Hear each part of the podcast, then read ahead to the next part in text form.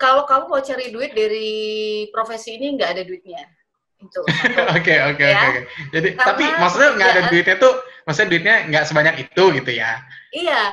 Ya. kamu jangan jangan kalau aku selalu bilang tuh pekerja profesi menjadi seorang dosen itu profesi sukarelawan. Tua gapat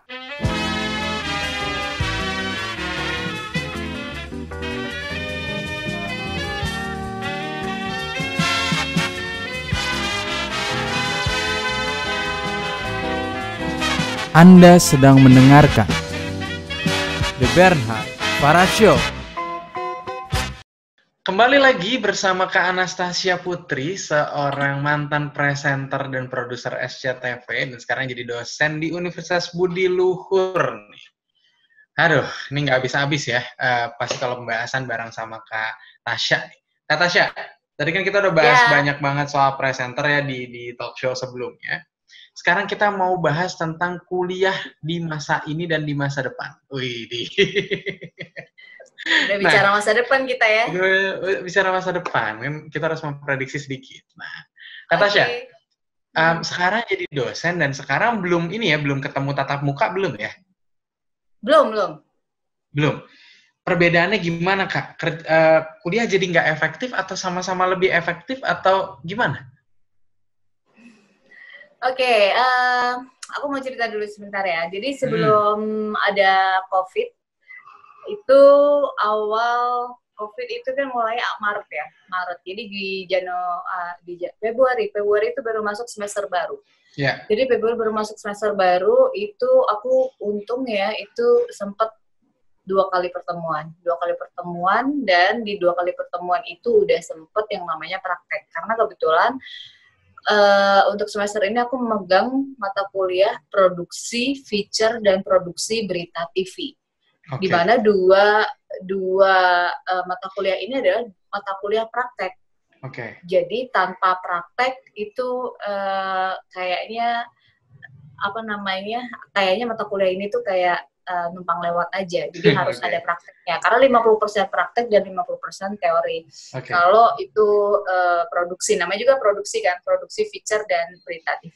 Nah, terus untungnya di di uh, di pertemuan kedua itu aku udah langsung praktek. Hmm. Jadi uh, ketika produksi berita TV, aku udah langsung bikin praktek di pertemuan kedua, udah langsung praktek di studio dan langsung uh, praktek siaran. Jadi okay. begitu begitu masuk ke pandemi dan tiba-tiba kuliah online, uh, kita udah punya bahan nih. Kita tinggal evaluasi hasil praktek yang kemarin. Kita hmm. satu persatu gitu. Dan akhirnya uh, kemudian diperpanjang terus kan kuliah online-nya sampai Nah, kemungkinan ini bahkan sampai akhir tahun ini akan online terus gitu. Nah, itu gimana tuh sampai nah, akhir tahun nih? Ntar praktek yang semester depan gimana? Nah, jangankan praktek semester depan ya, penerimaan masa, mahasiswa baru aja itu gimana ya nanti iya, gitu kan? Iya. Ada orientasi siswa itu ordik-ordik ya, orientasi siswa didik atau apa itu peserta didik, orientasi peserta didik itu kan biasanya juga maba dan lain-lain. Benar, itu kan itu momen seru-serunya kuliah, Kak. Nah, iya kan yang lagi kenal teman baru, tahu uh, iya, kuliah gimana betul. gitu kan. Sekarang semuanya cuma layar kaca aja, udah nggak ada tuh kakak kelas yang masuk aspek adik kelas. Ya kan? Iya, yang yang yang bisa ketemu terus uh, ala-ala minta nomor telepon gitu kan. iya, itu dia. Nanti kan ya, bingung nih caranya minta nomor telepon gimana kan akhirnya mungkin Zoom meeting minta nomor ID ya, ID Nomor Zoom ID Zoom. Gitu. iya, iya, iya. Kayak dulu minta PIN BB ya. iya. Makanya itu. Jadi uh, bicara soal efektif nggak efektif, kita nggak boleh uh, kamu kita sama aja dengan bicara COVID itu efektif atau nggak efektif gitu.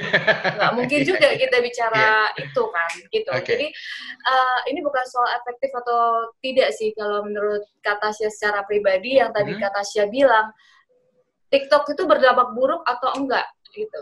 Nggak bisa kita bilang bahwa kuliah online itu berdampak buruk, tidak efektif, terus satu hal yang isinya negatif, isinya uh, keluh kesah gitu. Hmm tinggal bagaimana kita mengubah sudut pandang kita aja kan sebenarnya mengubah sudut pandang yang dari kita geser dikit ini kamu bisa lihat ada kursi di situ dan ada boneka di situ yeah. tapi begitu gini kamu nggak bisa lihat bahwa ada sesuatu di situ gitu misalnya okay.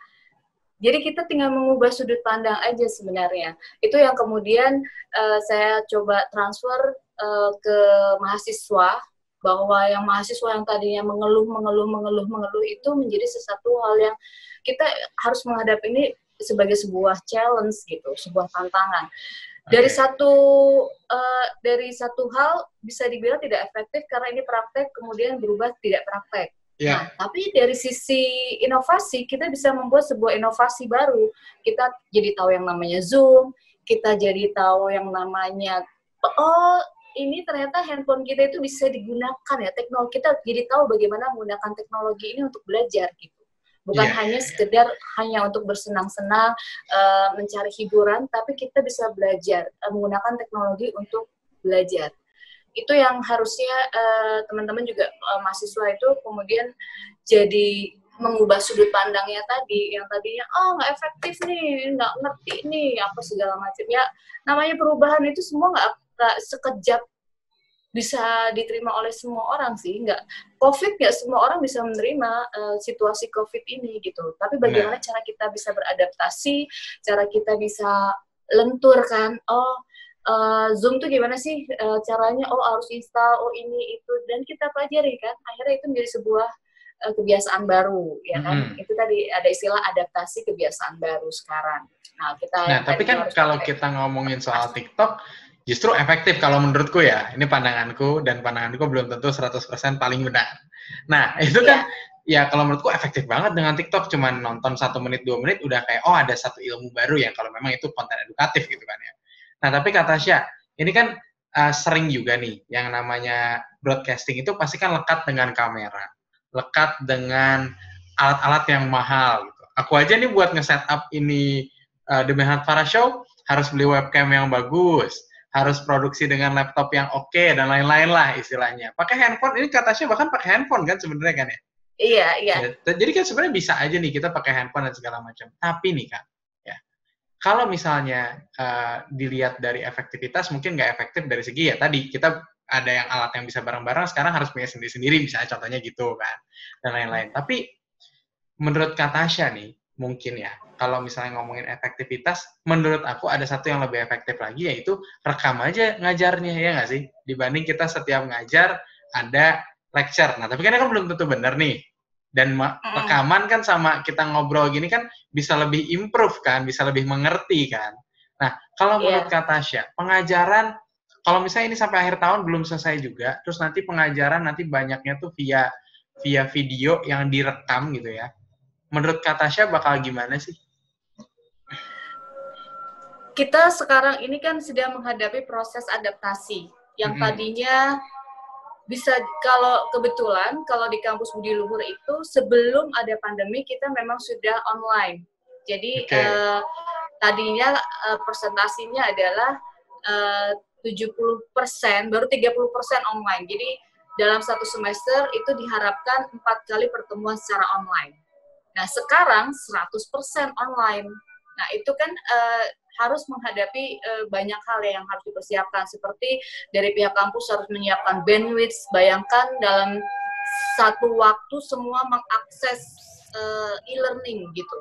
Dalam satu waktu yang tadinya pembelajaran itu uh, di kelas semua pindah ke semua pindah menjadi satu ke ke ke ke satu satu link gitu ya satu link e-learning itu berarti butuh proses kan. Jadi tim IT dari kampus pun juga harus ekstra bekerja keras untuk memastikan itu berjalan dengan baik. Artinya ketika dia buka itu nggak ngehang, itu ada chatting nggak apa bisa dibalas, nggak putus-putus. Terus kita memasukkan materi pelajaran di situ juga bisa dibaca. Itu juga proses sebenarnya. Jadi uh, mahasiswa itu juga sedang proses adaptasi. Bagaimana yang tadinya setiap hari dia harus uh, bisa ketemu sama dosennya, ini jadi nggak ketemu dosennya. Tapi kemudian yang tadinya dia nggak apa uh, bisa dijelasin dengan contoh-contoh, sekarang harus lihat powerpoint, terus ini maksudnya apa ya, hmm. ini apa segala macam. Nah, ini artinya apa? Di ya ya ada ya istilahnya tatap muka aja belum tentu ngerti, apalagi nggak ada tatap mukanya gitu kan Nah, itu proses yang akhirnya kemudian uh, pelan-pelan di-adjust antara mahasiswa, kebutuhan mahasiswa dan kebutuhan dosen. Uh, kita saling adjustment, uh, kurangnya apa dari dosen dan kurangnya uh, mahasiswa juga diharapkan mengerti, dosen diharapkan mengerti. Dua-duanya harus uh, saling adjust kan, sampai akhirnya kita satu frekuensi bahwa ayo kita sama-sama merasakan ini ini kesulitan bersama, bukan kesulitan satu kampus, dua kampus, seluruh dunia tuh bayangin ya, uh, tidak hanya di Indonesia yang negaranya masih negara berkembang, negara maju seperti Amerika pun itu mengalami kesulitan yang sama dari akses internet. Jadi akses internet dan uh, beberapa beberapa perusahaan-perusahaan, uh, sorry, sekolah-sekolah desain mode uh, di dunia, di, di apa sekolah misalnya di Paris, di Prancis dan di New York dan lain-lain, mereka sekolah fashion harus praktek kan Nah, tiba-tiba tidak ada praktek, tiba-tiba harus semuanya dilakukan melalui uh, virtual. Itu juga butuh adjustment juga. Artinya sama-sama ini kita semua belajar dalam uh, situasi yang dipaksa kan. Akhirnya dalam situasi yang sulit ini semua dipaksa untuk mau kayak Benhard. Benhard saya, saya harus beli ini, harus beli akhirnya dipaksa kan. Tadinya yeah. kalau Benhard nggak gini, Benhard nggak perlu beli gitu. Hmm. Benhard nggak perlu beli alat-alat ini, tapi demi sebuah konten dan demi kepuasan secara pribadi ini harus bagus, harus real, uh, gambarnya harus jernih dan lain-lain. Akhirnya mau ngumpulin uang untuk beli alat dan lain-lain itu mau tidak mau dipaksa kan? Iya nah, betul. Kita juga seperti itu dalam dalam status uh, dalam posisi kita semua dipaksa untuk harus mau belajar melalui online dan akhirnya adjustment itu nantinya itu akan menjadi evaluasi dari masing-masing uh, pihak yang nantinya kemudian jadi pembelajaran yang lebih baik. Misalnya tadinya nggak ada video seperti uh, tadi bilang. Nah nanti akhirnya dari evaluasi bisa nggak masing-masing dosen ini kan lagi libur sekarang sudah ujian. Jadi masing-masing dosen besok-besok um, membuat sebuah video konten yang nantinya bisa uh, di apa namanya di uh, praktek apa ya istilahnya ada proses interaksi lah. Interaksi bagaimana seorang dosen menjelaskan tentang satu hal. Yang sebe sebenarnya sudah dimulai oleh ruang guru ya kalau nggak salah hmm. aplikasi ruang guru. Ruang guru itu juga sudah memulai lebih dulu tuh dan ada banyak yang lain ya ada ada Kuiper ada iya kemudian bermunculan ya yang lain-lain juga ada dididik iya. gitu banyak lah intinya aplikasi pembelajaran ya, aplikasi belajar itu kemudian tumbuh juga kan. Ya sama hmm. seperti awalnya ada hanya ada Gojek terus kemudian belajar apa muncul aplikasi-aplikasi yang lain, hmm. eh, transportasi lain yang secara online. Itu awalnya juga mendapatkan pertentangan dan lain-lain adjustmentnya akhirnya sekarang justru itu dianggap sebagai sebuah eh, inovasi, yeah, inovasi yeah. yang bermanfaat buat banyak orang. Nah, kita boleh bilang bahwa ini dalam proses adjustment ini nantinya akan menimbulkan sebuah inovasi pembelajaran baru yang kita juga uh, dituntut kreativitas, menjadi kreatif, menjadi inovatif, dan kita punya satu hal yang kita banggakan bersama. Dunia pendidikan itu adalah salah satu dunia yang belum maju loh sebenarnya. Kenapa? Bayangkan Bernhard, bayangkan dulu zaman dulu uh, lampu itu dari teplok sampai akhirnya sampai neon sekarang. Iya, udah LED, udah ada fleksibel dan lain-lain. Iya, ah, transportasi dari yang dulu zaman dulu di apa uh, Delman kemudian pindah jadi apa sampai mobil mewah sekarang. Iya, iya. Kita belajar zaman dulu masih pakai papan tulis sampai sampai sekarang, sekarang masih. Iya, betul. Masih pakai papan tulis. Nggak maju kan? Tapi uh, semua orang harus bergerak maju gitu. Harus dipaksa dia harus dipaksa dengan situasi ini memaksa kita jadi inova, uh, lebih inovatif lebih kreatif dan bagaimana tadi merubah sudut pandang itu menjadi sebuah challenge tantangan baru bareng-bareng kita semua. Oh bisa ya ini kesulitannya adalah memang di level misalnya eh, dosen-dosen yang usianya sudah 50 tahun ke atas dari ya. Para profesor, para doktor, yang semuanya terbiasa menerangkan di depan kelas, biasa buku dan lain-lain sekarang harus berubah ke sini. Mereka juga uh, beradaptasinya membutuhkan atau adjustment ya itu membutuhkan waktu lebih lama dibandingkan kita kita yang masih oh gampang ini kok gini caranya gini gini akhirnya lebih mudah sebenarnya. Nah itu yang uh, membuat kita semua sekarang ini dalam proses ayo sama-sama kita menghadapi pandemi COVID ini, dalam terutama di dunia pendidikan ini menjadi sesuatu yang lebih maju. Katanya uh, revolusi 4.0, IoT, artificial intelligence dan lain-lain itu kan.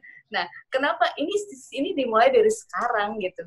Yang ada Internet of Things tadi, uh, artificial intelligence dan lain-lain. Artificial bahkan nanti dosen itu bisa digantikan oleh seorang robot yang yang udah di setting apa segala macam. Berita adalah seorang robot yang menjelaskan bisa juga gitu kan. Nah, betul betul. Uh, makanya kita uh, bahkan nanti ketika masuk sebenarnya kita sudah akan mendekati masuk ke eranya 5O kan itu okay. udah bukan lagi Internet of Things, tapi kita sudah berkolaborasi antara manusia dan robot itu udah saling berkolaborasi. Apa yang bisa ditawarkan manusia dan robot yang saling sama-sama.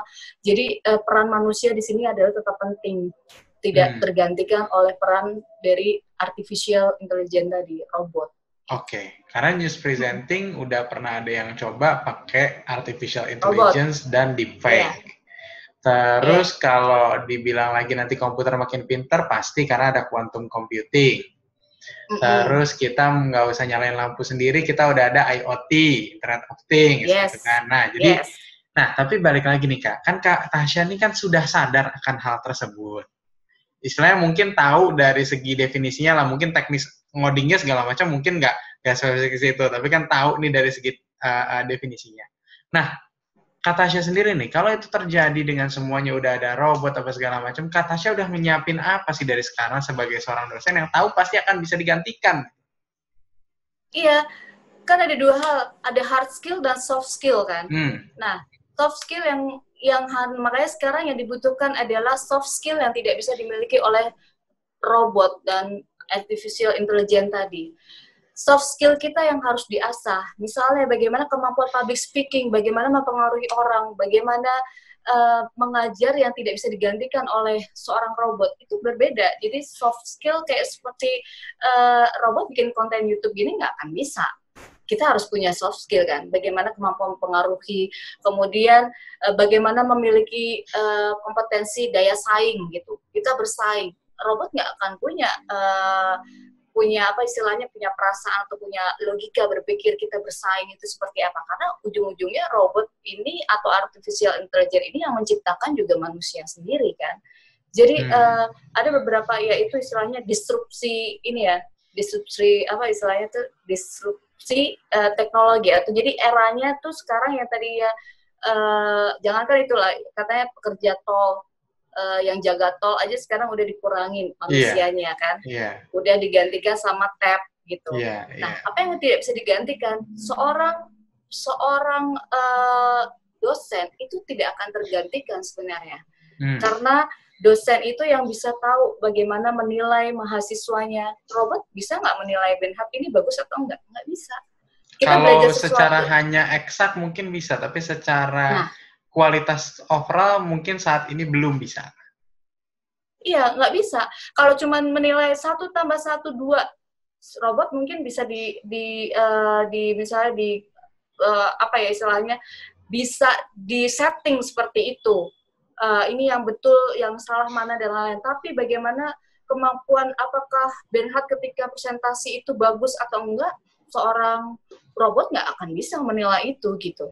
Nah, bagaimana seorang Benhard bisa menciptakan sebuah konten yang berbeda dan bisa uh, dijadikan social movement semua orang robot itu nggak bisa bikin kayak gitu. Ini udah luas banget ya. iya dong, iya. Kita harus bicara kan yeah, jangka iya, panjang yeah, yeah. tadi kan. Kita harus bicara jangka panjang. Nah, itu juga harus di, saya sendiri pun juga harus melakukan itu sih uh, Ben Hart. Jadi bukan cuma saya secara pribadi kan tadi bagaimana saya secara pribadi harus bisa bertahan di era yang terus nanti kita nggak pernah tahu lima tahun ke depan akan jadi apa, lima tahun ke depan itu bakal apalagi perubahan yang terjadi di era bukan lagi 4.0 tapi sudah 5.0 gitu. Okay. Bahkan wartawan pun juga sudah digantikan oleh robot katanya di beberapa negara di, ada ya, yang memang di beberapa negara itu ya. udah ada. Nah, televisi Kak, tapi nih ya, sama. gini, kan mungkin orang-orang pengen punya karir yang kayak Kak Tasya nih udah presenter, produser, dosen juga gitu kan, Ber, berumah tangga juga kan ya gitu kan. Jadi maksudnya wow, ini impian banyak orang gitu loh. Nah, pertanyaanku Kak, saat kita hanya jadi reporter dan produser gitu ya. Waktu dari pengalaman Kakak nih, kan biasanya kebutuhan manusia tuh paling minimal rumah sama bisa makan setiap hari dan hiburan. Bisa nggak sih kak beli itu semua kak? Dan gaji reporter tuh presenter tuh berapa sih kak sebenarnya? Kayak akhir-akhir gitu kak? Gak usah gitu deh. Gaji dosen berapa sih gitu misalnya? Nah, di dosen Gaji juga kak. Dua-duanya nih, ini menarik Gitu. nih. Ya, misalnya gitu kan. Ah, Jadi dosen berapa sih? Jadi konten kreator berapa sih gajinya sampai bisa beli dan lain-lain gitu kan? Iya, iya. Berinvestasi ya. penghasilannya lah. Kalau gaji kan kayaknya Nah, ke sana dikasih ya, penghasilannya.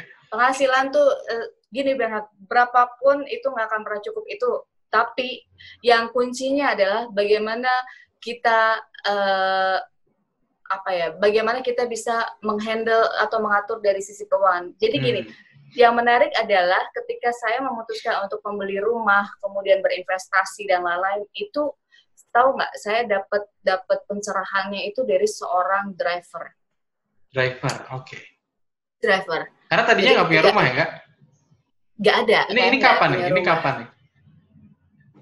Eh, itu udah lima tahun, enam tahun yang lalu. Oh, enam tahun yang lalu. lima enam tahun yang lalu. Jadi waktu itu asik kerja kan asik kerja terus habis itu mereward diri sendiri ah jajan lah apalah Hmm. nongkrong lah segala Iya. gitu kan iya mereward diri sendiri karena kita capek udah nongkrong apa segala macam kan terus akhirnya adalah eh, tiba-tiba ketika seorang driver itu bertanya sama saya udah berapa lama kerja di sini udah dapat apa Hmm. dari sini gitu.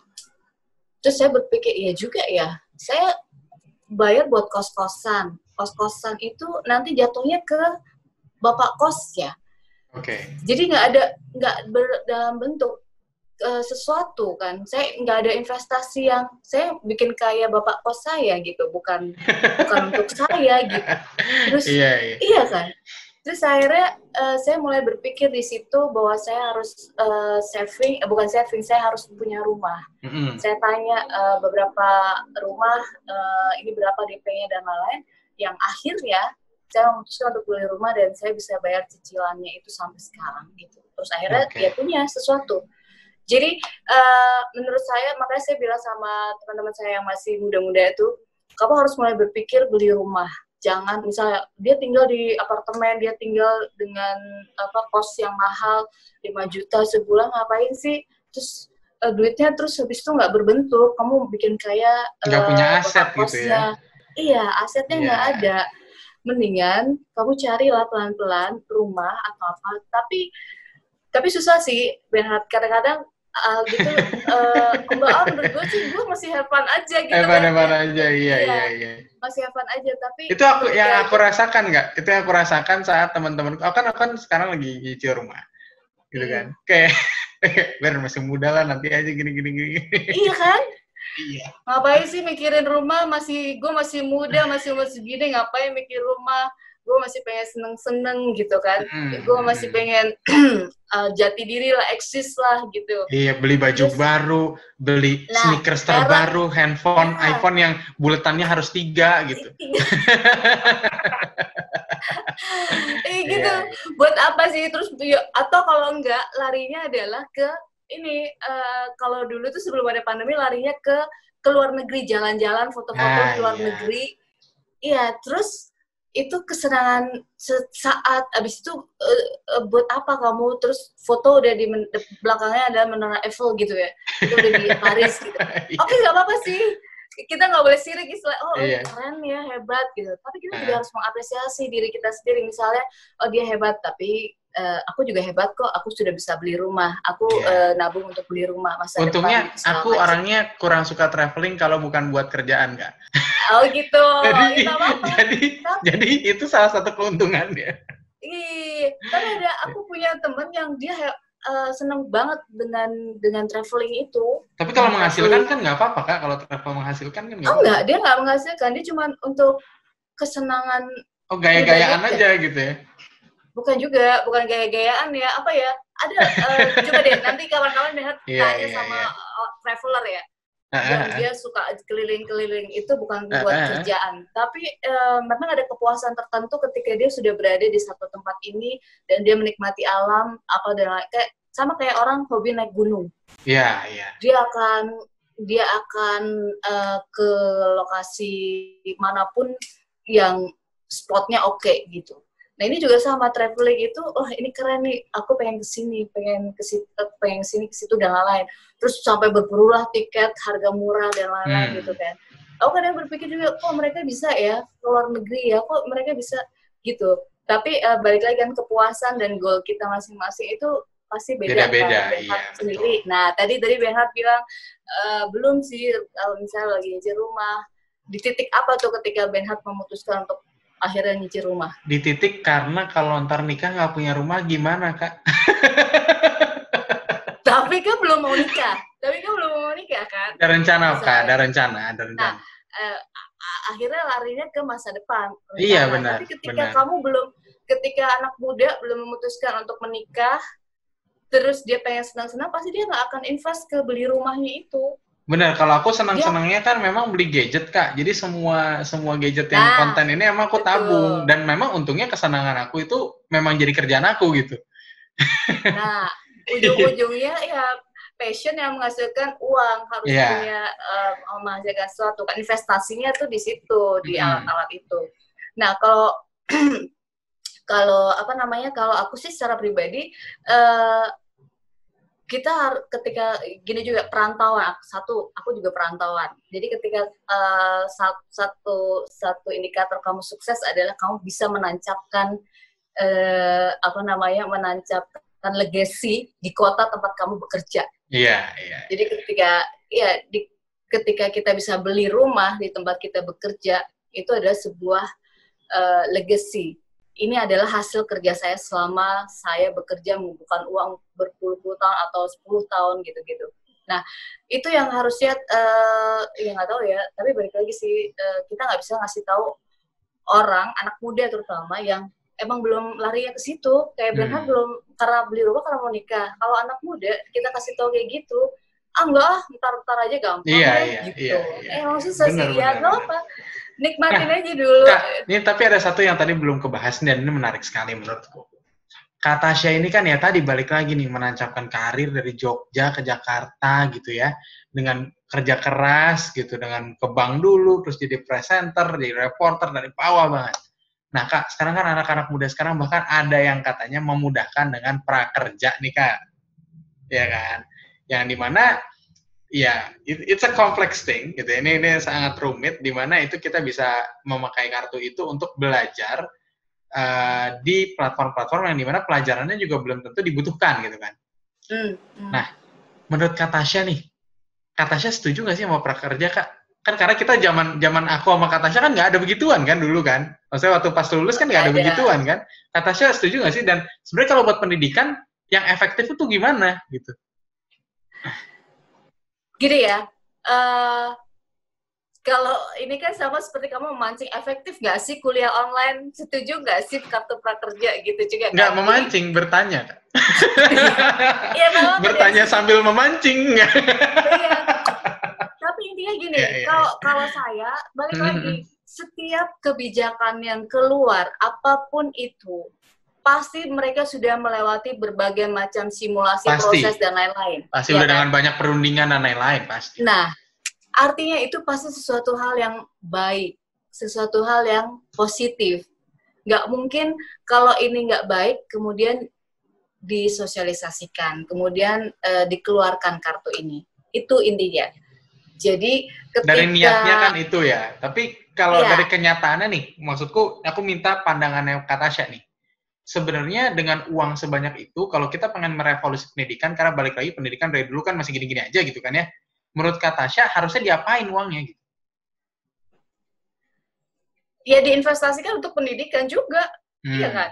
Hmm. Diinvestasikan untuk pendidikan. Ya kalau misalnya kartu prakerjanya itu digunakan, nah yang yang yang dikhawatirkan kalau disalahgunakan itu. Yeah. Okay. Sekarang sekarang itu minimnya ya yang sekarang itu terjadi itu kadang kita lemahnya adalah di pengawasannya itu yang kemudian tidak tepat sasaran, yang kemudian disalahgunakan, yang kemudian ini akhirnya jadi sia-sia itu sih apa pun yang keluar dari siapa pun, Benhard punya, misalnya Benhard punya narasumber ini, itu pasti baik. Nggak mungkin ini Iya. narasumber ini nggak baik gitu. Atau pemerintah mengeluarkan kebijakan A, B, C, D, uh, jangankan pemerintah pemprov ini diperpanjang lagi PSBB perpanjang terus terus dan bahkan nanti pendidikan ini akan katanya juga akan online permanen Uh, ya kita harus online permanen ya.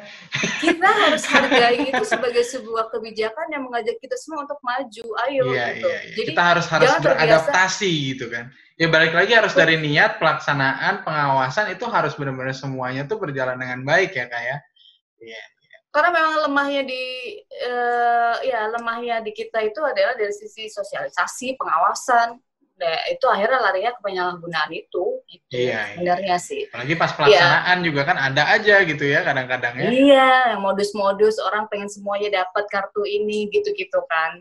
Iya, iya. Karena ada duitnya, nggak apa-apa. Ya kita kita harus hargai lah. Kita jangan istilahnya ini baru keluar baru beberapa bulan gitu kan. Hmm, Jadi hmm. eh, kita nggak tahu dalam jangka panjangnya seperti apa evaluasinya dan lain-lainnya. Kita harus hargailah eh, apa pun yang yang sifatnya itu kebijakan kita hargai dan kita lihat dulu prosesnya gitu. Jangan jangan menjadi generasi yang apa-apa mudah mengkritik, apa-apa mudah mengeluh gitu. Tapi jadi generasi yang lebih eh, eh, eh, mengedepankan sisi adaptat adap, eh, adaptif gitu ya, inovatif dan kreatif. Eh keren nih gitu. Jadi adaptif. Oh apa sih? Oh ya. Oh ini bisa di ini nggak kita eh, kreasikan jadi kreatif dan inovatif. Se- Selebihnya apa yang bisa dimunculkan dari itu. Ya kita harus juga harus hargai punya kebijakan sesuatu itu juga inovasi loh sebenarnya. Hmm, Kita benar, harus benar. hargai itu. Dan kakak Jadi, ini eh, eh, ngajar di Budi Luhur tuh full time ya kak? Oh enggak, enggak Oh, juga. part time berarti masuknya. Oke, aku Kak, aku ngajarin juga kan aku juga aku aku juga pengen gitu. aku juga pengen jadi dosen part time nih. Menurut Kakak kayak kalau misalnya jadi dosen part time gitu, sebenarnya penghasilannya berapa sih Kak? Dan berapa kali ngajar dalam seminggu Kak? Kalau kamu mau cari duit dari profesi ini nggak ada duitnya. Itu. Oke, oke, Ya. oke. oke. Jadi Karena tapi maksudnya nggak ada kerjaan- duitnya tuh, maksudnya duitnya nggak sebanyak itu gitu ya? iya, Iya. kamu jangan jangan kalau aku selalu bilang tuh pekerja profesi menjadi seorang dosen itu profesi sukarelawan. Setuju, setuju. Jadi eh, kamu harus kaya dulu, istilahnya ya bukan kaya lah, istilah kamu mapan Cukup secara sustainable, finansial, sustainable Iya. di finansial ya. Eh, mapan secara finansial, terus akhirnya kamu pengen eh, istilahnya hanya untuk eksis bukan eksistensi ya, Untuk Eh, menyalurkan apa- ilmu yang kita punya ke orang lain. Ya, kamu punya ya bisa bo- boleh juga sih kalau ujungnya eksistensi ya boleh juga. Ya itu kan apa-apa. pilihan masing-masing. Ah, ah, ah, bonusnya Iya. lah, bonusnya Atau kamu pengen ketemu banyak mahasiswa baru, mahasiswi baru gitu kan? Ah, ah. boleh, itu boleh juga Iya. kok. Jadi dan itu bikin kamu awet muda loh. Kalau kamu gaul sama mahasiswa-mahasiswa gitu itu bikin kamu Oh iya, karena muda. kita nggak boleh kalah skincare-nya kak ya. Iya betul. Iya, itu iya. bener. Jadi kalau kamu mau jadi dosen, balik lagi kita nggak bisa ngomongin nominal, Mm-mm. tapi ada kepuasan ketika kalau kalau saya secara pribadi kepuasannya adalah ketika tiba-tiba dia sudah sukses bekerja di satu perusahaan, terus dia mengingat saya kembali gitu. Iya, ini aku setuju banget. sama Ini kita bener-bener sama banget pandangannya di sini loh. Ini aku bener-bener senang banget dengan dengan pembincangan kita, perbincangan kita ini karena aku emang bidangku jurnalistik juga, gitu kan kerjaan. Terus aku pengen jadi part time juga. Mungkin kakak udah merealisasi, aku belum. Jadi aku masih harus banyak belajar lagi nih. itu dia karena aku bilang tadi kan Benhard, Iya. aku lahir lebih dulu daripada kamu gitu. Iya, iya, iya. Iya, nah sekarang stepnya kamu, eh, kamu udah bahkan kamu sudah bikin konten sendiri gitu. Sementara aku masih sibuk ngasih tahu, ngajarin segala macam sibuk untuk ngajar dan lain-lain kan, tapi Iya. nggak punya. Ini kan bagian dari legacy kamu sebenarnya menancapkan juga, menancapkan karyamu di lini masa ini eh, YouTube gitu. Iya. Kamu menancap, gue punya loh karya nih, video gue udah banyak banget gitu. Itu karya itu yang nggak bisa terbayarkan loh. Eh, Iya. ya. Dan aku sebenarnya nggak peduli view-nya berapa, yang penting kayak orang yang nonton memang mendapatkan manfaatnya gitu. Senang aja gitu. Setuju banget. Itu, itu udah kamu start lebih dulu. Kamu punya karya, aku nggak punya. Istilahnya uh, apa sih buktinya kalau kata Tasya tuh udah 14 tahun misalnya 14 tahun di SCTV ada nggak buktinya nggak ada gitu ya paling cuman foto-foto dulu di SCTV Foto-foto, foto-foto iya. dulu siaran dan lain-lain tapi aku tidak punya karya yang kemudian uh, menancap di tadi lini masa YouTube yang kita bisa jejak digital meninggalkan Jejak Eh, digital jejak balik digital lagi ya. di Nah, itu penting sekali Iya, di di di point 4.0 yang mau 5.0 ini gitu ya. Iya, Iya. ya sekarang aja aku juga baru mulai di eh, yang aku punya paling cuma Instagram dan aku juga bingung ini harus memulainya dari mana misalnya Iya, saya mau iya. Eh, apain sih Instagram saya ini mau saya buat jualan, mau saya buat personal branding, mau aku buat eh, personal aja misalnya aku nggak Ah. peduli ah mau like-nya berapa, mau yang komen siapa, pokoknya apa pun yang aku pengen share ya share aja udah, aku Mantap. pengen ketik apa ketik aja. Eh, Terima kasih banyak ini. lain-lain. Kak Tasya atas waktunya nih tinggal satu menit lagi. Sayangnya kita masih pakai yang tidak premium. Nggak apa-apa. Jadi, Nanti kita bakal ngobrol-ngobrol lagi dan aku banyak banget yang pengen aku pelajarin juga nih dari dari pengalaman Kak Tasya. Yang penting sukses selalu dengan apa pun yang kakak lakukan ya. Terima kasih. Untuk teman-teman jangan lupa tombol like kalau misalnya kamu suka. Kalau nggak suka tolong nih pencetnya yang ini aja. Pencetnya yang ini yang warnanya kadang merah gitu ya. Jadi tolong di dislike tapi dikasih komentar. Jangan lupa di share kalau menurut kamu bermanfaat. Terima kasih Kak Tasya. Sehat selalu Kak. Oke, sama-sama ya Behat. Sehat Have a great ya. day. Dah. Dadah. Happy weekend. Happy weekend.